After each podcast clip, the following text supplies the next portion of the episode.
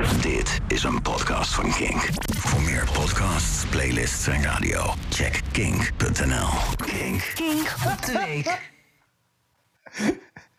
De leraren willen dat de scholen een week eerder dichtgaan. Het OMT wil dat de scholen een week eerder dichtgaan. Dus zei Arie Slob gisteren dat de scholen open blijven.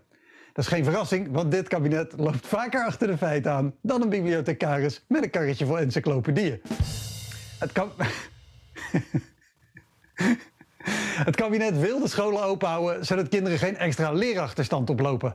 Dat is hartstikke nobel, maar daar hadden ze vorig jaar geen enkele moeite mee toen de scholen dicht moesten om te zorgen dat iedereen thuis ging werken.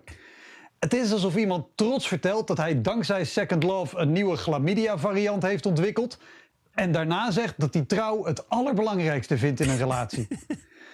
Maar het lijkt alsof dit demissionaire kabinet gewoon niet al te veel aan corona wil doen. Alsof ze willen dat iedereen gevaccineerd wordt of corona krijgt. Maar dan op zo'n tempo dat de zorg het nog net aan kan. Die aanpak is als het leergedrag van een verveelde puber.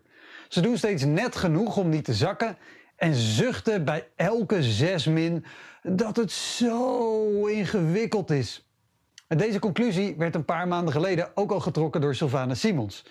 En Sylvana die wordt stevast neergezet als een vrouw die heel boos schreeuwt en alleen maar aandacht wil. En heel eerlijk, ik heb ook lang in dat beeld geloofd. Tot ik een filmpje zag en dacht, hé, hey, wacht even.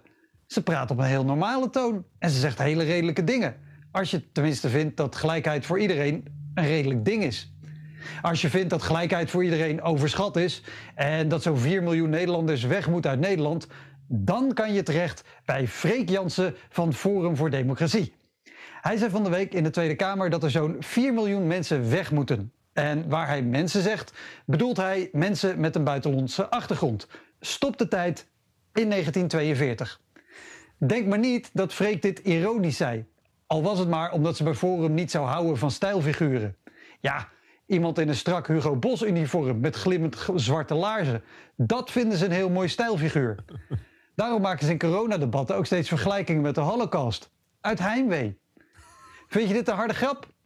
Freek Jansen, een volksvertegenwoordiger in het Nederlandse parlement, zegt zonder blikken of blozen dat hij 4 miljoen mensen, 4 miljoen vrienden, klasgenoten, collega's, familieleden, buren, topsporters, muzikanten, politici, radio-dj's, tv-makers, YouTubers uit Nederland weg wil hebben.